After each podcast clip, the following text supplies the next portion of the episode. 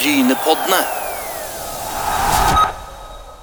Hjertelig velkommen til nok en Brynepod. Og i sist Brynepod så hadde vi mye om Post Nord-ligaen. Og, og i, i, dag så må vi jo selvfølgelig innom uh, Obos-ligaen, Asgeir. Og, og Åsane de fikk juling av Sandnes Ulf, for Bryne slo Stjørdal i denne livsviktige båndkampen. Eh, og Brann de fortsetter sin reise. Ja, Brann har jo fått det der berømte dra ifra-fenomenet som har sett i Obos de iallfall fire siste sesongene. Du eh, kan jo si de covid-sesongene var litt spesielle, men, men HamKam i fjor, og så hadde det Tromsø eh, året før det. og det er jo veldig solid. Og siden det er tolv grader og regn på Jæren, og Bryne skal møte Brann, så kan vi jo ta en telefon til noen som kjenner til regnet litt, de oppe i Bergen. Det kan vi, og det er en glede å ønske deg, Kristian eh, Kalvenes, velkommen til Brynepodden. Takk for det. Takk for det. Kristian Kalvenes, du, du, er jo sånn eh, omtrent eh, midt i livet blitt, og i år så takker du ja til å ta over som daglig leder eh, i Brann. Du er jo ikke ukjent fra fotballbanen heller. Eh, men eh, er det ikke en lettere måte for hjerteinfarkt midt i livet enn å ta over Brann? jo, det kan du godt si. Eh, og eh, Man er noe med si, lidenskapen for klubben og for fotball, og det du har egentlig brent for hele livet ditt. Og nå når plutselig muligheten kom til å komme tilbake inn til fotball, eller etter å ha vært ute nå siden jeg avsluttet karrieren min, så var det en mulighet jeg ikke kunne takke nei til. Sånn eh, Tidlig 2000-tall så var det jo ganske mange eksproffer som kom inn og ble daglige ledere i ulike klubber, og som kanskje ikke hadde den eh, økonomiske kunnskapen. Men du har jo gått en litt annen vei gjennom spillertida. Kan du fortelle litt om, om NBA-en og, og du, hva du har tatt med deg derifra? Ja, så du kan si egentlig under hele fotballkarrieren så har jeg studert og så tatt litt og litt og litt. Og har brukt kan du si, dobbelt så lang tid i, på studiene som jeg ville gjort hvis jeg hadde tatt fulltid. Men jeg har tatt to år med um, IT først, og så tok jeg to år med økonomi og administrasjon når jeg var i Sogndal og spilte der. Og så har jeg tatt en mastergrad i business and management fra BI når jeg var i andre perioden min i Brann, og avsluttet den når jeg var i, i Skottland. Men du, du kom jo opprinnelig altså Etter du spilte fotball, det skal vi komme tilbake til, men du, altså, du var innom Chess og, og, Telia, var det vel, og så har du vært i Fjordkraft, og, og strømprisene går jo til himmels, så, så, det er jo en bransje som, som, gjør det ganske greit om dagen. Men altså dette her for din egen del, å takke ja til en sånn stilling altså I Bergen så får du ikke akkurat jobbe i fred når du sitter som, som daglig leder i Brann? Nei, det, det, gjør du ikke. Så kan du si, så har jo Jeg hadde nok Eh, nødvendigvis ikke gått inn i en sånn rolle eller følt meg klar for en sånn rolle tidligere i karrieren heller. Sant? Men nå har du hatt de årene som sier i Chess og i, Fjordkraft etter fotball, så har du lært deg ned på veien, og du har vært i næringslivet. Um, og så er det noe med som sier det å få jobbe med det du virkelig brenner for i hverdagen. Det, det er kanskje det som er den største triggeren. Og, og, og nå har jeg si, vært uh, en del av denne klubben her eh, over mange forskjellige tiår eh, og sett det som kreftene som ligger her når man gjør det bra, og på samme måte som du sier, kreftene som ligger her når, du, når det virkelig brenner. Eh, det er òg en trigger med det. Sant? Så ja. Du har jo begynt vel i april-mai, og, litt det som Asker var inne på. Du så de daglige lederne på 2000-tallet, gjerne seint 90-tallet. Det var tidligere spillere de, de, som var ledere da, med vekslende hell, kan vi vel si Du var jo spiller i den tida. Var det sånn at du, dere som spillere òg så at det var mye dårlig ledelse og mye jeg Skal ikke si penger under bordet, men det virka mest litt sånn for meg som var utenforstående? Ja, altså, jeg vil si at altså, I brannsystemet så har det vært uh, dyktige daglige ledere egentlig på hele 2000-tallet. Vi hadde jo På tidlig 2000-tallet så hadde vi jo Bjørn Dahl som en godt utdannet mann og har eh, jobber med lederutvikling i dag. Så, eh, men i fotball generelt så var det nok det. Og det var nok mange Du opplevde i hvert fall fra utsiden at mange fikk eh, daglig lederposisjoner i kraft av å ha vært spiller, framfor i kraft av å ha en ledererfaring, eh, en kompetanse knyttet til eh, ja, kan skulle si, både økonomi og ledelse. Sånn at eh, og og sånn som fotballklubbene da gikk fra å være kalle eh, amatørklubber til å bli profesjonelle klubber, så er det klart det at eh, da hjelper ikke det bare å ha løpt opp og ned på venstrebekken og taklet motspillere. Men hvordan eh, tenker du nå, nå, når du har altså, når du kommer inn sånn for første gang og skal begynne å sette deg inn og, og se gjennom holde på å si papirer for første gang altså, Du har jo opplevd klubben som spiller i ulike perioder, som du nevnte her tidligere, og, og hadde sikkert et slags syn. Men var det noen sånn aha-opplevelser når du begynte å se hva forgjengerne dine hadde drevet på med? Altså, Aha-opplevelsen har vel kanskje vært det at um du veldig fort ser at dette her er en organisasjon som gispet litt etter luft. Altså Brann har vært i nesten konstant eh, nedgang, som kaller det, siden 2019. Altså, hvor det har vært mange dårlige opplevelser med flere treneravganger, lederavganger, man har hatt nachspiel-skandale, man har hatt et nedrykk. Sånn at organisasjonen nå eh, var på mange måter kan du si sliten eller gisper etter luft nå. og Det å oppleve det som man nå opplever med eh, publikumsfremmøte som er helt unikt. Vi har gode resultater, vi spiller god fotball. Det er utrolig kjekt å se hvordan det påvirker egentlig hele sinnsstemningen til hele denne organisasjonen, som nå har hatt noen virkelig tøffe år. Det er vel kanskje det første jeg har merket til. Men, men, en annen ting som vi alltid klødd oss litt i hodet av her i Rogaland, eh, som kan komme litt mer inn på altså Det er to ting der. Det første er jo fenomenet holdt jeg på å si, brann med, med, publikum, som du sier, som, som kommer og, og, stiller opp nå når, de, når, det virkelig går i motgang, eller gikk i motgang i fjor, da, med, med, med et surt nedrykk etter, etter straffespark. Men det er én ting. Men, men altså kan du forklare litt? Vi har prøvd å finne ut hvorfor er Brann ekstremt dominerende i Hordaland. Altså, det er jo andre klubber som har vært oppe og lukta på, på, på tippeliga iallfall, og, og eliteserie. Og, og, jeg husker en gang jeg var på Kronsminde og dekket en Løvhavn-kamp. Jeg tror det var like mye studenter fra Bryne på den kampen som det var lokale bergensere. Altså, er det litt sånn hemmende for Brann at dere er så totalt dominerende, selv om det er noen sånn halvgreie lag rundt dere òg? Tror nok ikke det er hemmende for Brann. Jeg tror nok heller det er en Hva skal du si en, en, fordel i den forstand at vi har ikke samme konkurransesituasjon som man kanskje har internt på Østlandet eller i, i, i Rogalandsområdet, hvor det er mange klubber helt oppe. Uh, men om vi har klart å utnytte det på en god måte, det tror jeg nok ikke. Jeg tror nok i mye mye større grad vi må Eh, se på en type samarbeidsmodell hvor vi har et samspill med klubbene rundt oss. Mer enn at uh, vi skal se på de som konkurrenter eller uh, ja.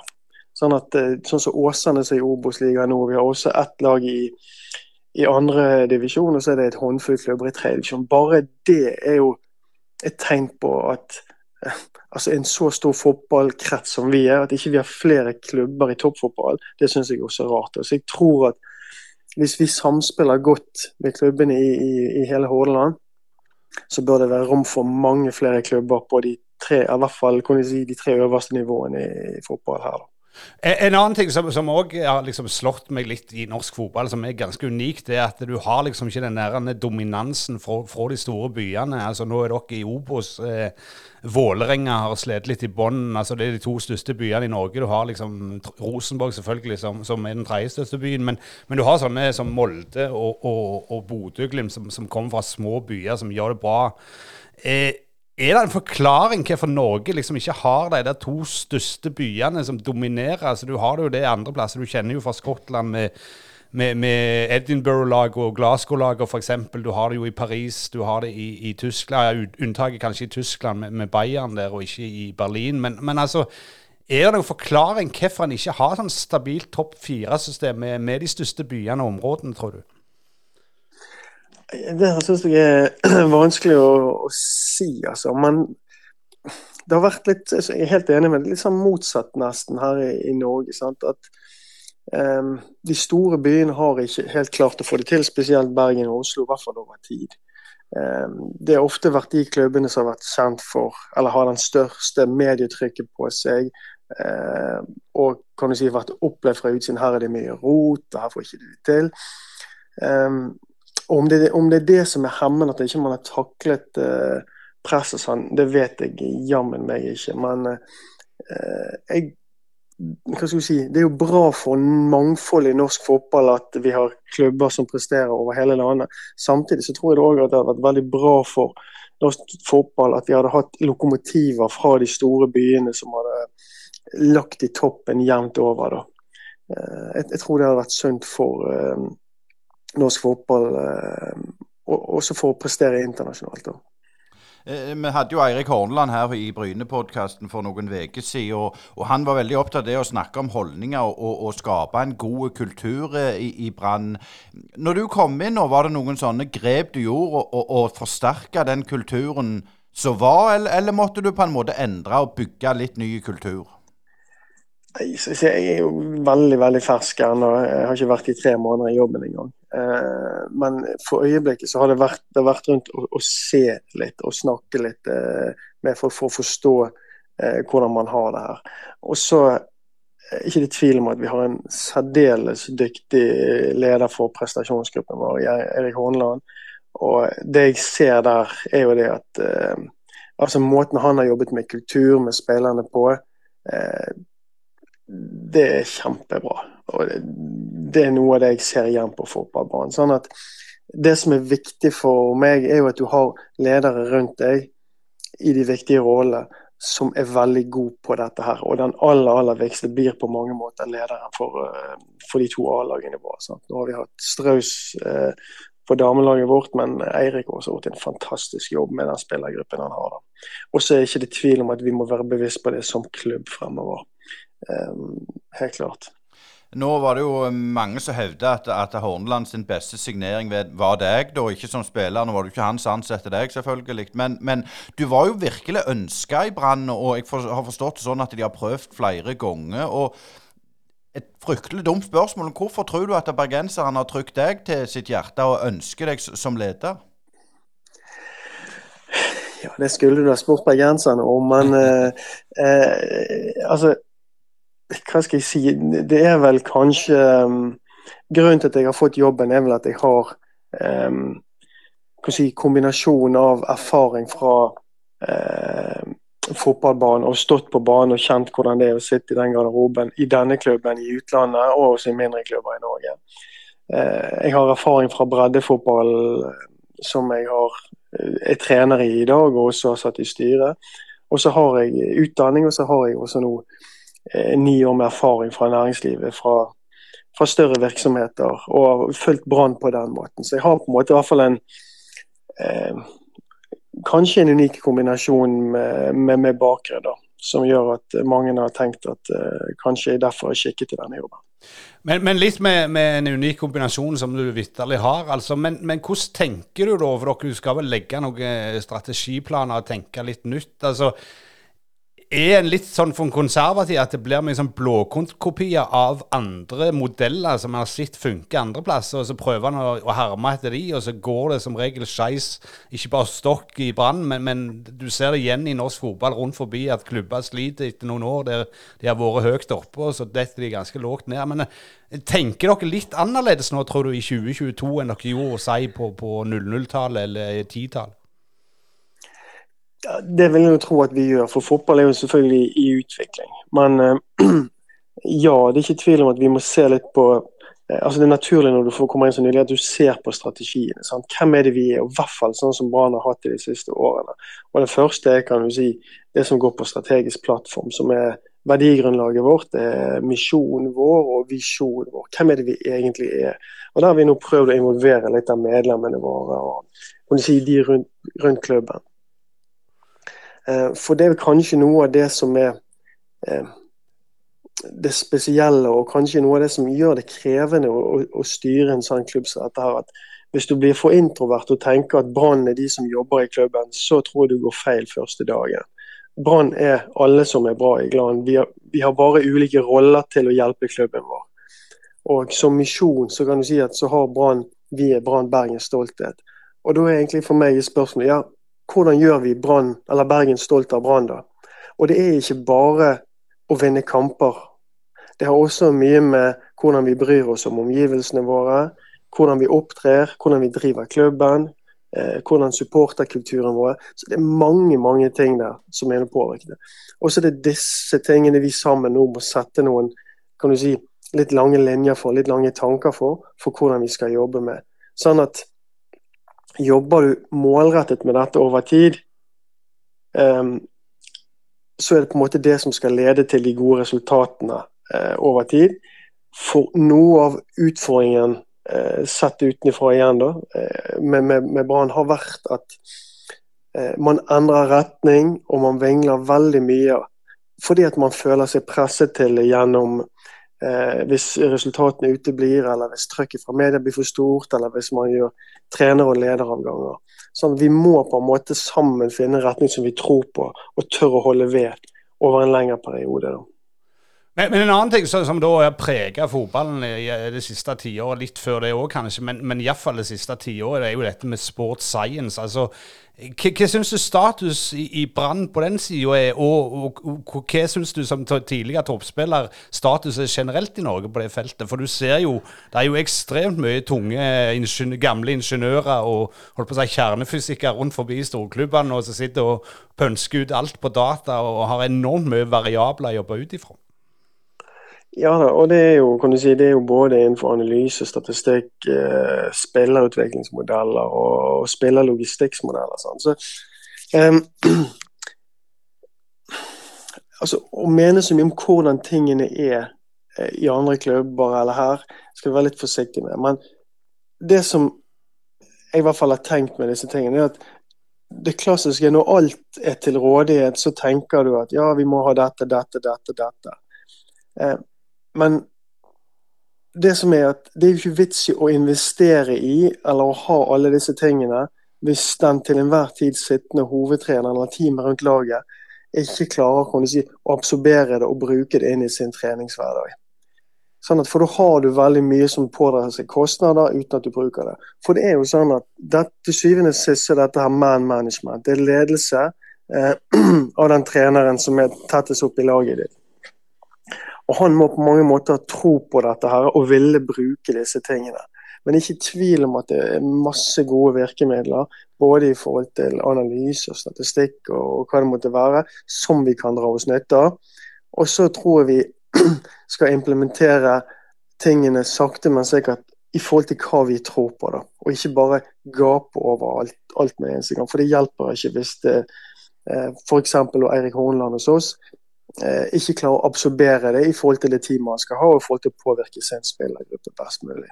Men, men, For han har jo noen kompetanser kan du si, som han opplever som er sine styrker, og som vi på en måte på samme måte som du kompletterer hans team med andre personer, så må du gjøre det på samme måte med de eh, tekniske virkemidlene, digitale virkemidlene.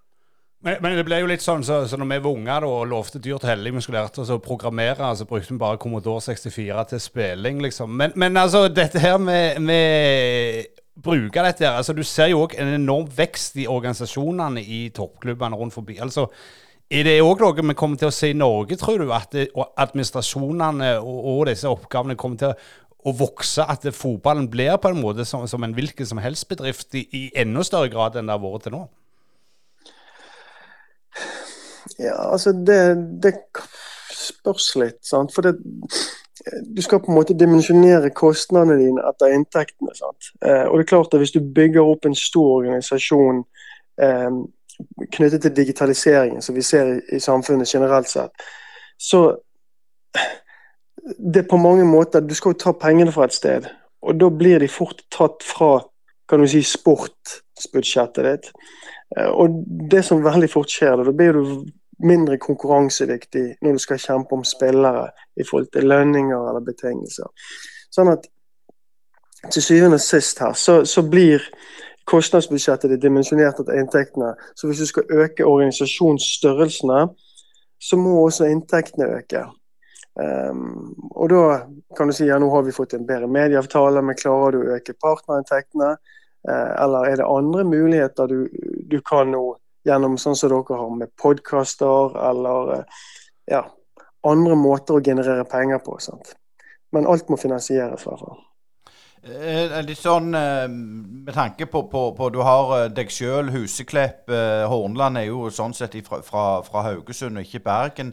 Men kan det òg være en utfordring at det blir liksom for, for tette bånd til, til, klubben at, at, at, dere sitter Nå er jo bergensere spesielle og ikke en del av Norge, som man sier.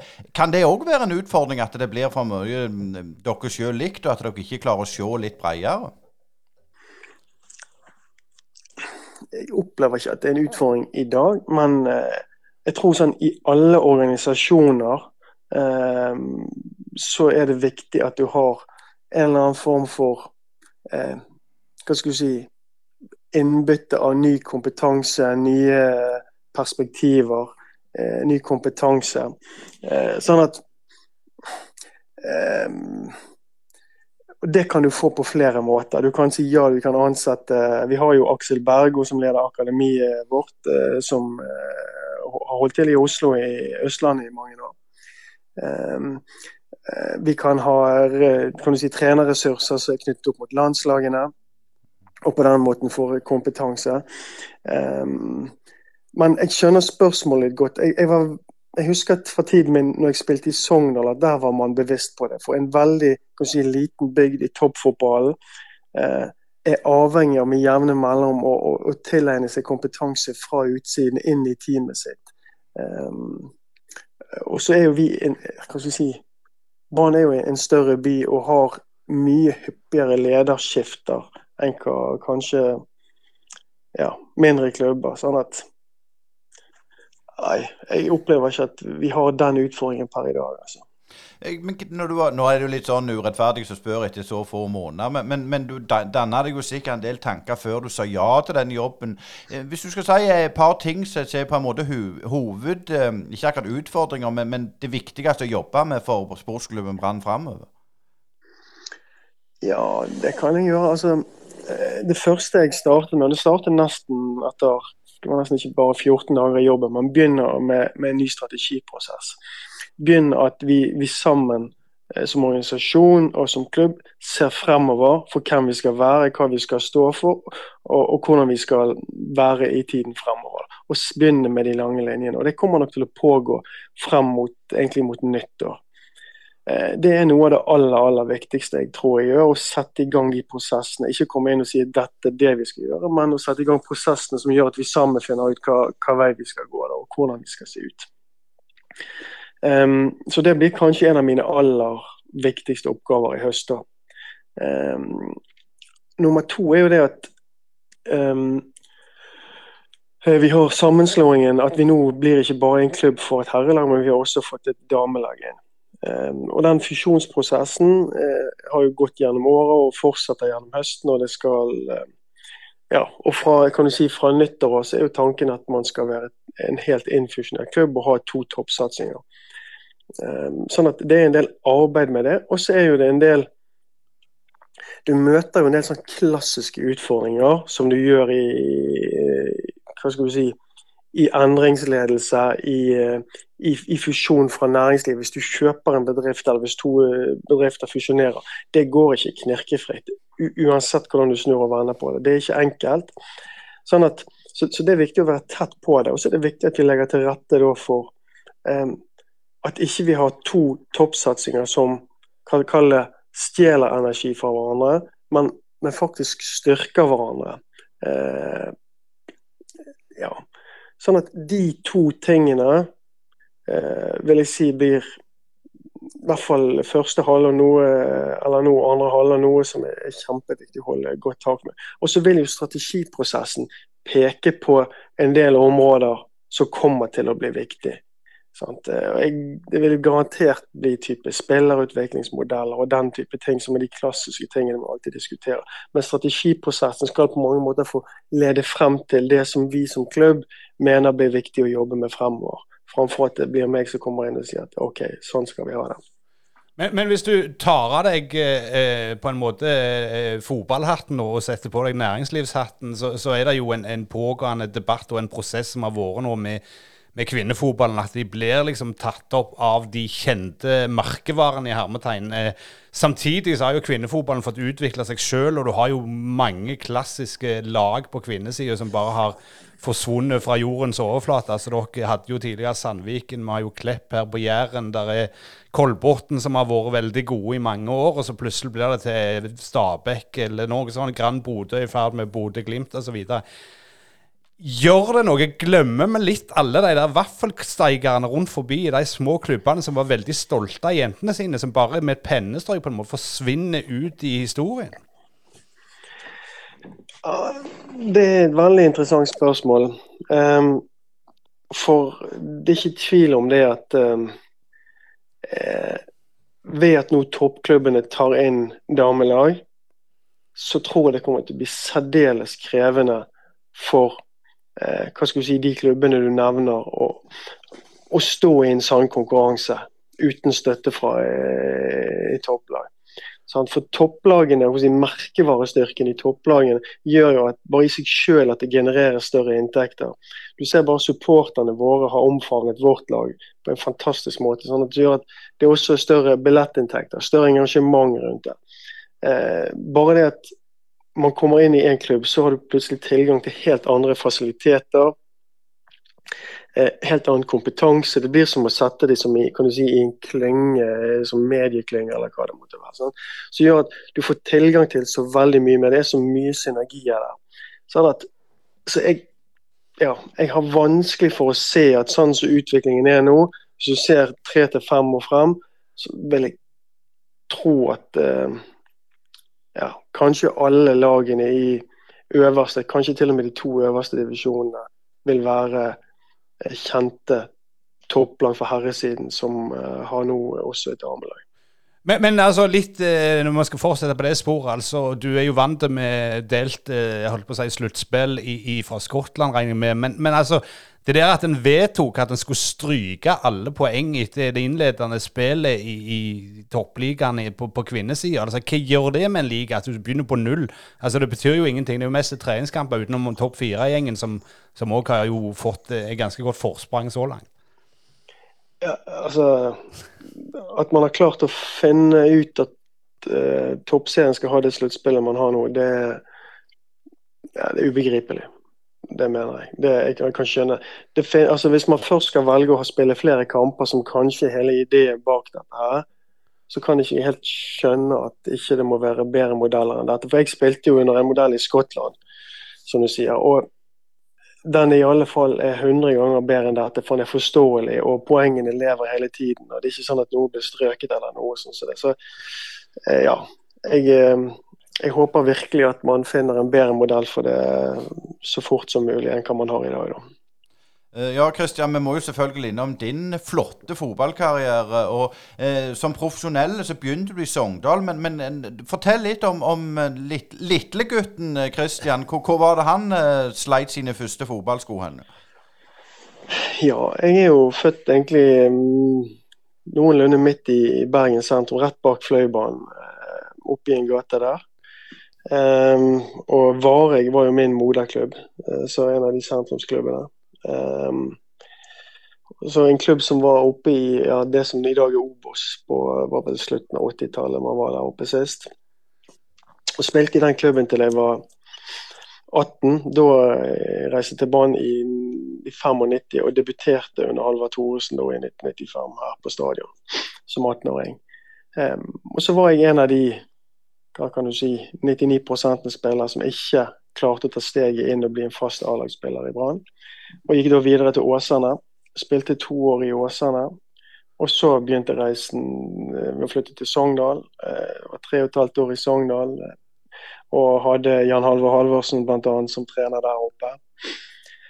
Um, og så hadde jeg var tilbake i Brann, spilte under Mjelde her i Brann i to og et halvt år. Og så flyttet til Skottland um, sommeren, si, året før vi ble seriemester i Bergen. Um, og hadde to flotte år i Skottland. Og så gikk veien videre til England, til Burnley, en klubb jeg egentlig ikke har hørt så veldig mye om. Men var med på det første opprykket til Burnley i 2009. Eh, og vant playoff-finalen på Wembley for å klare det opprykket. Og så var jeg med og spilte ett år i Premier League. Og så hadde jeg to og et halvt år på slutten av karrieren i, i Brann igjen her. Så ja, hatt tre perioder i Brann og har fått oppleve breddefotball med, kan du si, med Åsane den gangen. I, da var det andre divisjon. Men også fått oppleve Sogndal, og så ikke minst de fire årene i utlandet har vært eh, veldig flotte, det må jeg si. Eh, før Asker slipper til, Kristian, så, så, var det litt interessant det med at du går fra topp fra Brann til, til, tilbake til bredden igjen. og Det, det viser jo litt at, at akademi og gjerne ikke hadde fanget opp sånne spillere som deg i dag. Er du enig i det? Ja, altså det du kan si, da at um, Det jeg prøver å si til de guttene som jeg ser kan du si, går i akademier i dag, er at dere må tenke på det akademiene som det er skole, det er utdanning. Det er fotballutdanningen din. Og så er det ikke sikkert at utdanningen din leder til at du får jobb i den samme bedriften med en gang. Sånn at du må når du er ferdig og kommet opp i en 18-19, ikke tro at du er ferdig som fotballspiller fordi at ikke du går direkte inn i den toppklubben. For der er nålet eh, veldig, veldig lite. Se det som en utdanning, og se deg om etter en arbeidsgiver hvor du fortsatt kan utvikle deg. Og det var på mange måter det jeg gjorde. Jeg gikk til Åsane, et steg hvor jeg fikk spille førstelagsfotball. Jeg fikk bli satset på. Og jeg kan du si, fortsatte da med egentrening og tro at jeg fortsatt kunne bli god. Og så kom steget til Sogndal, som var på en måte mitt steg inn i toppfotballen. Og jeg er overbevist om at hvis de si, gode akademispillere orker å stå i det til de kan du si 22, 23, 24, 25, hvis de orker, hvis de virkelig vil bli gode, så er det mange mange flere som kommer til å lykkes inn i toppfotball enn de som stikker hånden i været når de er 19 og sier sorry, da ble det ikke fotball på meg. Men, men Christian, må jo bare litt innom om denne her eh, øyrike-karrieren din. Altså Skottland, eh, det var vel i de tider der ennå var mye penger i skotsk fotball, iallfall i Glasgow-lag, og Rangers gikk jo vitterlig konk etter hvert. Men altså kan du si litt, altså når vi vokste opp, vi er jo samme generasjon. altså når vi vokste opp, så var jo skotsk fotball ansatt. og Landslaget deres var godt, kom alltid til VM, òg på bekostning av England noen ganger. og sånn, Men altså, hvordan var den skotske ligaen når du kom der, i forhold til det du var vant med i Norge på den tiden? Eh, ja, altså den skotske ligaen var bra. Um, uh, jeg opplevde vel kanskje at nivået var noenlunde likt som uh, nivået i Norge. Uh, men samtidig så kan du si at ja, de to årene jeg spilte der borte, hvordan skal du klare målnivået? Hvis du ser hvordan man presterte i Europa, da, så slo Aberdeen København til FCK når Ståle Solbakken hadde de, slo de 4-1 og, og, slo de ut. Eh, Rangers tapte finalen i eh, hva var det, Uefa-cupen eller et eller annet mot eh, St. Petersburg. Så de skotske lagene gjorde det ganske godt i, eh, i, eh, i Europa i den, i den sammenhengen. der. Men hva skal du si nivået er nok noenlunde som det norske, og så hadde du storheten i Rangers og Celtic som kanskje var i særklasse. Men det var en fantastisk liga å spille fotball i, for lidenskapen for fotball er utrolig sterk i Skottland. Det er gamle, store, flotte, ærverdige stadioner. Og det er en, alltid en flott ramme rundt kampene. Så jeg trivdes utrolig godt de årene jeg hadde der borte. Men så må du jo fortelle litt om denne overgangen til Burnley, for det var jo en sånn overraskelse for de fleste. Og utenom Gabriel Høyland, som er jo en kjent skikkelig i norsk fotball, så er det jo knapt noen som har hørt om Burnley. ja, det kan jeg si. Altså Planen var vel etter de to årene i, i, i Skottland, så var planen at uh, vi skulle reise hjem altså med familien. Um, og så var på en måte den lille oppskjæren på at ja, så sant ikke noe veldig bra dukker opp og så hadde jeg mulighet til å være igjen i klubben i, i Skottland. Jeg har også mulighet til å velge andre alternativer i Skottland. Men da var det sånn OK, det må være noe nytt og spennende. Og når jeg da var på ferie den sommeren, der, så ringte jo da Owen Coyle, som da hadde vært trener i St. Johnston i Skottland. Eh, han hadde tatt over Burnley et halvt år før. Og jeg hadde gjort det bra i, i Skottland i den perioden, som gjorde at ja, du var blitt lagt merke til. Um, og sånn dukket egentlig kontakten opp. Og jeg holdt på litt sånn frem og tilbake. Skal du gjøre dette her, eller skal du ikke gjøre det? Men bestemte meg for at ok, muligheten for nå å få spille i, i England, den, den, kan jeg ikke gi fra meg nå på slutten av karrieren. Og jeg signerte egentlig på en ett pluss ettårsavtale. Jeg, jeg var litt sånn Ja. Så eh, og Jeg var jo kjedelig glad for det. Så når vi skulle spille denne playoffen, så var jeg full fart på kontoret og passet på at jeg fikk sikret meg det ekstra året, sånn at jeg ikke skulle ende opp med å ikke få oppleve Premier League når jeg først hadde det på slutten av karrieren. Men når du signerte sånn, eh, men når du signerte sånn ett og ett år, var det det at de, de hadde liksom, ville se deg eh, om du, du holdt nivået, eller var det du som holdt litt igjen? Det var, jeg kunne egentlig få en både to- og treårsavtale hvis jeg hadde ønsket det. Uh, men jeg var litt der i forhold til hele familiesituasjonen. at vi begynte å planlegge livet etter fotball, og dette skulle være noe som var helt på slutten. Så det var litt sånn at OK, skal, vi skal ha ett år. Og så var det egentlig agenten min som på en flott måte lå inn at jeg fikk ett, men jeg hadde også kan du si, 100 mulighet til å ta år nummer to hvis det var jeg ønsket det. Det var ikke klubben som hadde noe å si i forhold til om jeg ville utnytte den klausulen. Så, så, du hadde ei mye bedre kone enn eh, Jamie Vardy, tydeligvis, herrene, som kunne holde deg litt i nakken. Men, men altså du har vel fulgt med Burnley seinere òg, og du har jo hatt dette fenomenet med Sean Dice, som, som da eh, måtte gå nå i, i, sesongen som var. Eh, men, men, han er jo på en måte en av de sånn siste klassiske engelske trenerne. altså hva tror du nå om framtida til Burnley? Er de òg et sånt lag som, er, som, kommer til å være der i vaking? Altså, de, de, har jo ikke de samme ressursene som de større klubbene. Nei, um, jeg var over og besøkte de nå her i juni måned. Um, de var jo veldig spent nå. Sant? For klubben, når jeg var der borte, så var det eid av lokale eiere. Og en av de klubbene som en av de få klubbene som fremdeles er det. Og stadion bærer preg av at dette er, er, er si, Den ene tribunen er eldgammel, sant? der som vi hadde garderobene. Mens nå var det en veldig jeg vil kalle det en litt skepsis, litt usikkerhet. For det var tatt over av amerikanere, hvis jeg ikke husker helt feil. Og de var veldig spent på noe, hva som kom til å skje med klubben. Um, men samtidig så så de òg nå at uh, han godeste oh, Han som nå ble hentet inn, om belgiske medstoppere, uh, som er tatt over som manager der borte.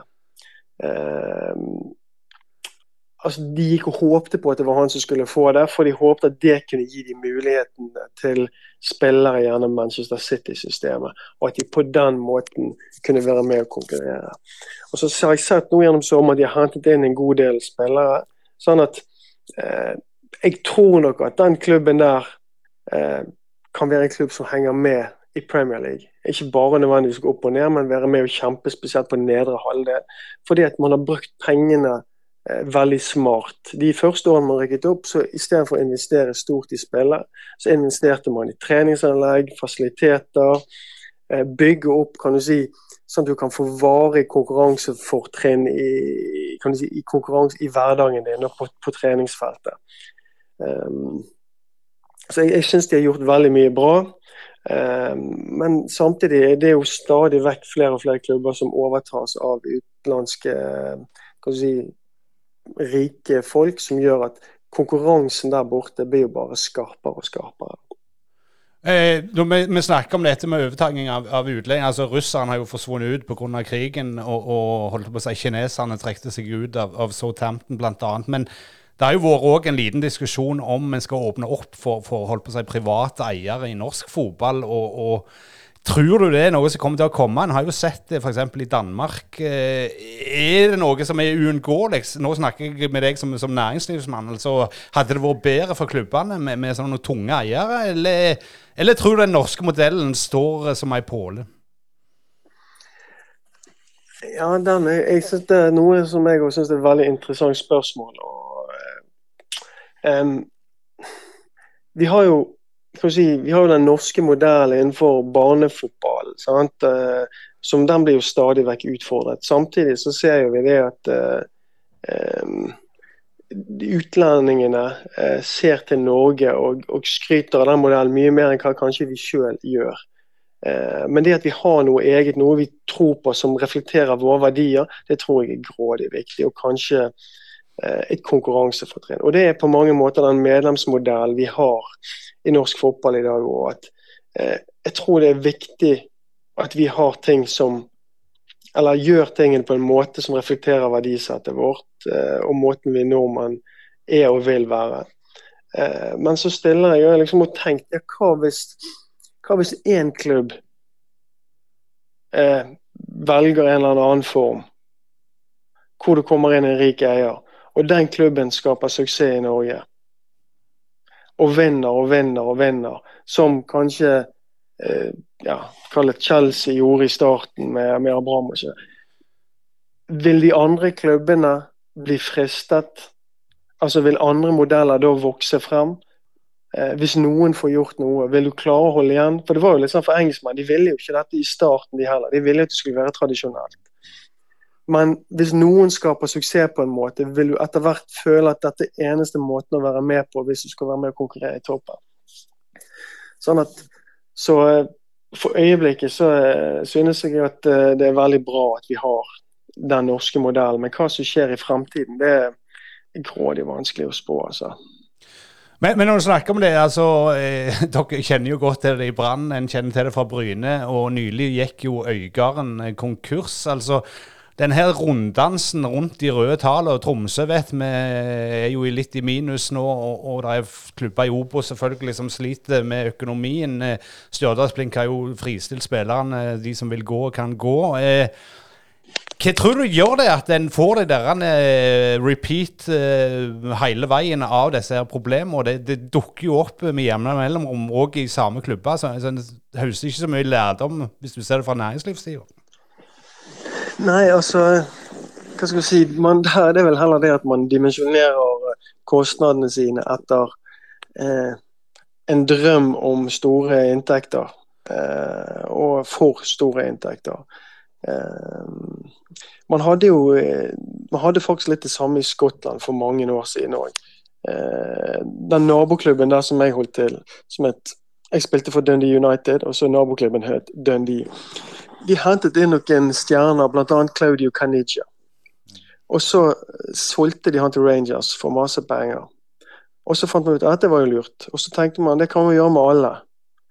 Um, og så gikk jo selvfølgelig ikke det sånn at du kan ikke gjøre det med alle. Så du, bygger du opp en stor kostbase, og så er det noen inntekter som uteblir. Da var det en TV-avtale blant annet som falt igjennom, og plutselig så er klubben holder på å gå konkurs.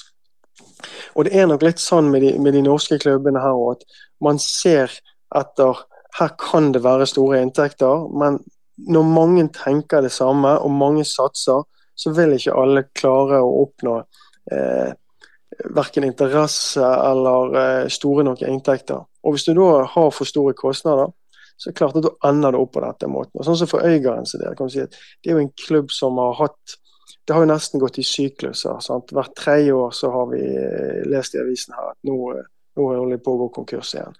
Um, og det er klart at det er, jo, det er jo ikke bra. Verken for omdømmet for klubben eller for, for fotballen som helhet. da. Men det er jo et jag etter å, å ville Hva skal du si eh, Komme seg oppover i, i seriesystemet. da. Men klart det er du som har, uh, har, master, har jo lært at n pluss n er to. Så, så, sånn sett så er jo du ganske godt uh, skodd. Men uh, det er jo selvfølgelig Vincent Company som overtok Burnley, og, og, kan jo nevne det. Jeg har vært på Turf Moor og sett Burnley Leeds. og Turf Moor må vel være eh, det, noenlunde det samme som Bryne stadion, for der var det kaldt og blåste noe vanvittig. Ja, det, det, regner og det blåser og det er guffent og det er kaldt. Og når jeg kom bort der nå, så tenkte jeg at ja, men nå, eh, nå ser det ut som de har uh, virkelig byttet ut seter og gjort uh, flunka nytt. Men de har jo noen gamle treseter. De hadde bare tatt på de ny maling. Så det, der, der, bevarer de det gamle og det ærverdige. Og så har det sin sjarm, det òg. Det, det er som sier, å gå i spillertunnel på tørr mår Hvis du møter en som går imot deg, så må du stille deg sidelengs inntil veggen. For den, den, gangen der er halvannen meter brei. Altså. Det, men det er sånn som det var i det urengelske, det, det gamle. sant? Men, men, men, vi pleier jo å si her på, på Skjemt at Bryne stadion nå begynner å bli så gammel at han begynner å bli kul igjen. Altså, Hva er status med Brann stadion? Er dere der dere skal være, eller er det noen planer rundt den? Nei, altså, her har det vært en prosess nå gjennom vinteren og våren hvor en del av områdene på Brann stadion skal ha blitt solgt til et eh, eiendomsselskap. Um, og det er klart at En av grunnene til at dette gjøres, for vi, vi har jo et lån, vi betaler renter, og dette, men en av grunnene til at det gjøres, er jo at en stadion trenger på en måte å vedlikeholdes og løftes kan du si, på fasilitetene med jevne mellomrom. Og det er klart at sånn, Så stor som Brann stadion er, så vil det pådra klubben en enormt stor kostnad for å klare å oppdatere og oppgradere fasilitetene for å fortsatt kunne ha leieinntekter på dette. Og Den kostnaden klarer ikke klubben å ta. Så gjør at Derfor er det viktig nå at eh, vi klarer å få, få, solgt disse områdene, sånn at noen andre kan skjøtte dette på en veldig veldig god måte. Eh, og så jobber jo man parallelt nå, vi ser jo på underlaget på Brann stadion. Eh, eh spillflaten skal skiftes. så, så det, det, er også eh, og man, Der har man vært og besøkt forskjellige klubber i utlandet for å se på en hybridgressløsning, bl.a. For å se mulighetene for det. Eh, når det gjelder kalvene Kalvenes sin, sin landslagskarriere, så, tenkte jeg når jeg, når jeg, leste meg opp litt på, på hvor du hadde spilt osv., så, videre, så må det jo være litt kjedelig å være venstreback når Jon Arne Riise spilte i Ja, det, det, kan du si. De spurte meg om det i Skottland, for der om, om, jeg hadde hatt noen landskamper. Da var det Jon Arne som spilte alt. Så, men det, jeg lever fint med det. Jeg, jeg er mer opptatt av å sette pris på det jeg har fått oppleve, enn å være lei meg for det som kunne ha blitt. Men eh, nå har dere jo eh, fått en, en, kanonbra sesong og har ikke tapt en eneste kamp så langt. Og over halvparten av kampene er spilt i, i Obos-ligaen, og, og Brann har jo fått dette gapet som vi var inne på. Men nå er åpne snart vinduet, men, men, hva vil du si er status i, i gruppa kontra det å kunne være et habilt lag, lag i Tippeligaen? Hvor mye endringer man gjør på den der mannskapet en har i dag? Altså, det, da er vi nok mer på de som sitter nærmest sport, som skal få mene mest om det, med Eirik og han Jim i, i spissen. Men eh, vi kan si sånn at inn mot det vinduet som kommer nå, så er nok vi der at vi vi ser ikke for oss noen eh, store endringer verken i vår tropp eller ved at spillere er ute eller spiller inn. Men selvfølgelig det kan jo være interesse fra andre klubber som gjør at spillere går, og at vi på den måten må erstatte dem. Men inn mot neste år så er det ikke tvil om det at vi, vi må kartlegge hva kompetanse vi trenger inn i, i, i troppen vår. Eh, for å prestere best mulig neste år. Det er nok litt naivt å tenke at uh, det skal gå på skinner neste år uh, med lik tropp. Samtidig så, uh, så synes vi selvfølgelig at vi har en, en, veldig bra tropp med spillere. Veldig mye gode talenter, unge spillere som kommer opp. Og ikke minst en sult i troppen, som jeg tror er ekstremt viktig for å få det beste ut av dem. Sånn at, ja, jeg vil si sånn, Vi har en bra tropp, men det er ikke tvil om at uh, inn mot neste sesong, uh, hvis vi nå karer dette inn og, og, og rykker opp, så, så, så, vil jeg tro at vi også ser for oss å forsterke. Eh, vi går jo nå mot slutten av det berømte klassiske fellesferien, og, og, du sitter jo nå på jobb og snakker med oss. Eh, men, men, når du går på arbeid, altså når du har vært der i knapt tre måneder, altså, har du kjekt om dagen, Kristian? Ja, det, det er ikke tvil om. Eh, det må jeg si. Jeg virkelig koser meg. Eh, jeg synes dagene flyr. Eh, jeg synes det er utrolig kjekt. Og det, det er denne jobben her. Det er en veldig kjekk jobb. Selvfølgelig utfordringen med jobben er at han er altoppslukende. Det er det siste jeg går og tenker på når jeg går og legger meg. Jeg drømmer om det om natten, og jeg våkner om morgenen og tenker på det. Sånn at um, Å klare den balansen etter hvert, det tror jeg kommer til å bli særdeles viktig. Uh, for ja, for å ta vare på meg sjøl og også ta vare på familien på en god måte. Når du skal leve jobben på den måten som uh, du gjør når du daglig leder i Brann. Eh, vi må ha noen uh, juicy spørsmål helt til slutt her, Kristian. En kar som spiller på, spilte, spiller på din plass på dagens lag, David Møller Wolf, har jo vært veldig aktuell for Molde. Er det noe nytt der? Nei, det er nok ikke det. Um, vi har vel avslått uh, de budene vi har fått fra Molde. Um, og ja, vi kan si det sånn at David eh, en veldig veldig god spiller for oss. Eh, han spiller fast i Obos nå med oss. Han kommer til å få det naturlige steg i utviklingskurven sin neste år ved å når vi er ved et opprykk i Eliteserien og får spille der neste år. Sånn at eh, ja, fra mitt ståsted så har han en fantastisk utviklingsarena her i Brann nå. og så for, litt for tidlig for oss å selge nå, sånn som jeg ser situasjonen. Eh, litt grann, du, du, nevnte Aksel Bergo her tidligere med, med spillerutvikling osv. Altså, I hvor stor grad tror du Brann klarer å egenprodusere? Um, ja, eh, det er vel kanskje det evige spørsmålet her i Bergen. Um, hvis du ser på akademiet vårt, så produserer vi landslagsspillere på de aldersbestemte landslagene, i hvert fall opp til gutter 19 på løpende bånd. Eh, og så er vi ikke så flinke å ta spillerne fra et akademi og inn i et A-lag. Det er kanskje den største utfordringen og det største steget for vår del nå. Det er å, å klare å ta spillere fra talent til toppspiller.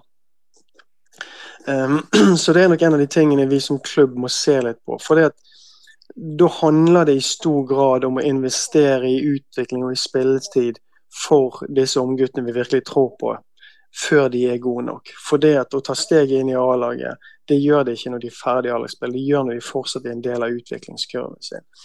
Eh, og der tror jeg man har kanskje tenkt, eller har gjort litt eh, feil tidligere. Man har tenkt at de skal være ferdig utviklet, eller de skal være gode nok, eller hva du vil si. De skal være bedre enn de som er der før de, de får spille. Men jeg mener at det er en del av reisen deres å få spille før de er gode nok for at de har tro og et potensial på at de skal bli mye bedre enn de som er der. Så eh, jeg håper virkelig at vi i årene foran oss klarer å, å få flere unge gutter gjennom vårt system opp i toppfotballen. Ja, da blir det vel eh, bergenspressen som, som, hyler at dette ikke er godt nok, at de skulle vært sett ut i Matrefjellen hvis de ikke leverer i en alder av 20. Men eh, Øystein, til slutt eh, får vi si takk for laget, skal vi ikke det? Jo, men jeg tenkte jeg skulle spørre til, til slutt, Kristian. at du, Nå har jo du sikkert lurt på hvorfor jeg ikke spør om din bror Morten, og det skal vi gjøre til slutt. For hvor irriterende, hvor irriterende er det at han, han er på et bedre lag enn en deg nå? Nei, vet du hva. Jeg gleder meg over det han får oppleve. Eh, jeg var oppe og så dem mot eh, Celtic når de slo Celtic her i vinter i E-cup. Og eh, kan du si, det å komme opp der oppe i Bodø og få se hvor mye fotball betyr for folk, hvor gleden det skaper når du har sånne prestasjoner så det, der, det er en av de tingene som også trigget meg til å ville ta steget tilbake inn i fotball. For det at det er unikt med fotball. De følelsene du klarer å skape. Og når du presterer så bra som de har gjort oppe i Bodø nå, så er det bare en motivasjon for, og et ønske for at vi skal klare å, å skape det samme her i Bergen. Tusen hjertelig takk, Kristian, for du tok deg tid til, til Brynepodden. Og eh, så, så, som vi sa til, til Horneland, det blir opprykk på Brann i år. Og Brann hører jo til i toppen av norsk fotball. Eh, det er det ingen tvil om. Og, lykke til med fortsettelsen. Og, og må jeg bare spørre, kommer du ned til, til Jæren og, og, ser når, når dere skal spille mot Bryne? Da er jeg i Norway Cup med de guttene som jeg trener. Så den kampen kommer jeg ikke ned til. Dessverre. Det var det vi hadde i denne Bryne-podkasten. Takk for uh, laget, Kristian. Og takk for du stilte opp. Tusen takk for at jeg fikk være med. Der fikk vi høre siste nytt om uh, ståa i Brann med Kristian Kalvenes. Og det er jo en mann med, med mange jern i ilden. Og nå er det jo uh, Bryne-Brann Det blir jo Jeg på å si det er stygt å si det, men det blir vel null poeng, det? Ja, En skulle tro det, men det er jo òg alltid en mulighet altså, å slippe seg litt fri og løs. Og, og, eh, men altså 99 av 100 kamper så vinner Brann den. Men altså, vi får se. Nå spiller jo Bryne med lave skuldre. De er ni poengs forsprang på, på kvalikplassen. Så, så, det kan jo være at de presterer et mirakel. Og andre omgangen i Bergen var ikke helt galen, så denne kampen eh, får vi se hvordan går. Men det ser jo ut som Brann seiler ganske greit gjennom dette. Men, men, det er bare sånn innom Sandnes Ulf for de, eh, de, ligger jo nå på en, en delt eh, andreplass med 31 poeng. Tror du de holder helt inn? Det er veldig vanskelig å si. Jeg tror Sandnes Ulfs problem har vært stabilitet. Altså, de har gått på noen vanvittige smeller. Altså, vinner de 6-0 nå i helga. Det er vel litt sånn Sandnes i en nøtteskall. Men Obos-ligaen er jo inne i den der uh, typiske Obos-ligaperioden nå, med at alle slår alle, og at en får noe sånn helt utrolig resultat. Sogndal, Stabæk 4-3 f.eks. Mm. Sogndal leder 4-0. Eh, Stabæk kommer tilbake. Så det, det, er ikke helt stabilt, for å si det sånn, men, men jeg, jeg, tviler på at Sandnes Ulf klarer den andreplassen. Jeg tror det blir eh, Ranheim. De ser eh, mer solide ut på, på. Eh, det siste før vi avslutter denne Bryne-podkasten. Berisha til Hammarby, til Pierre Gallo, vår venn som vi hadde i podkasten for noen måneder siden. Gir Viking slipp på medalje? Ja, det, det skal en jo se hvordan det går med unge Karlsberg. Om han kan blomstre nå når han får mer sjanser. Men det er jo klart at de selger jo den beste spilleren. Så har de mista Sebulonsen her tidligere. Så det er jo klart det svekker jo laget. og og jeg tror ikke de klarer å hente inn noe sånn over natta.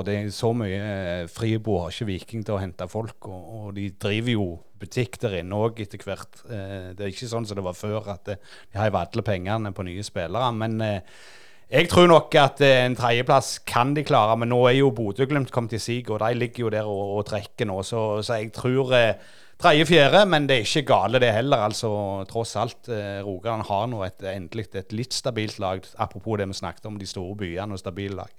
Stemmer det. og Likte du denne Bryne-podkasten, så lever vi av eh, støtte og sponsorer. Eh, ikke noe støtte fra det offentlige ennå. Vips oss gjerne på 610828. 610828, så blir vi utrolig glad. Og tusen hjertelig takk for alle dere som har gjort det tidligere. Tips oss gjerne med gjester. Det setter vi òg pris på. Det var det vi hadde fra eh, denne gang. Vi er tilbake neste torsdag med en interessant pod, og vi kan vel røpe det. Det handler litt om stadioner, da. Brynepoddene.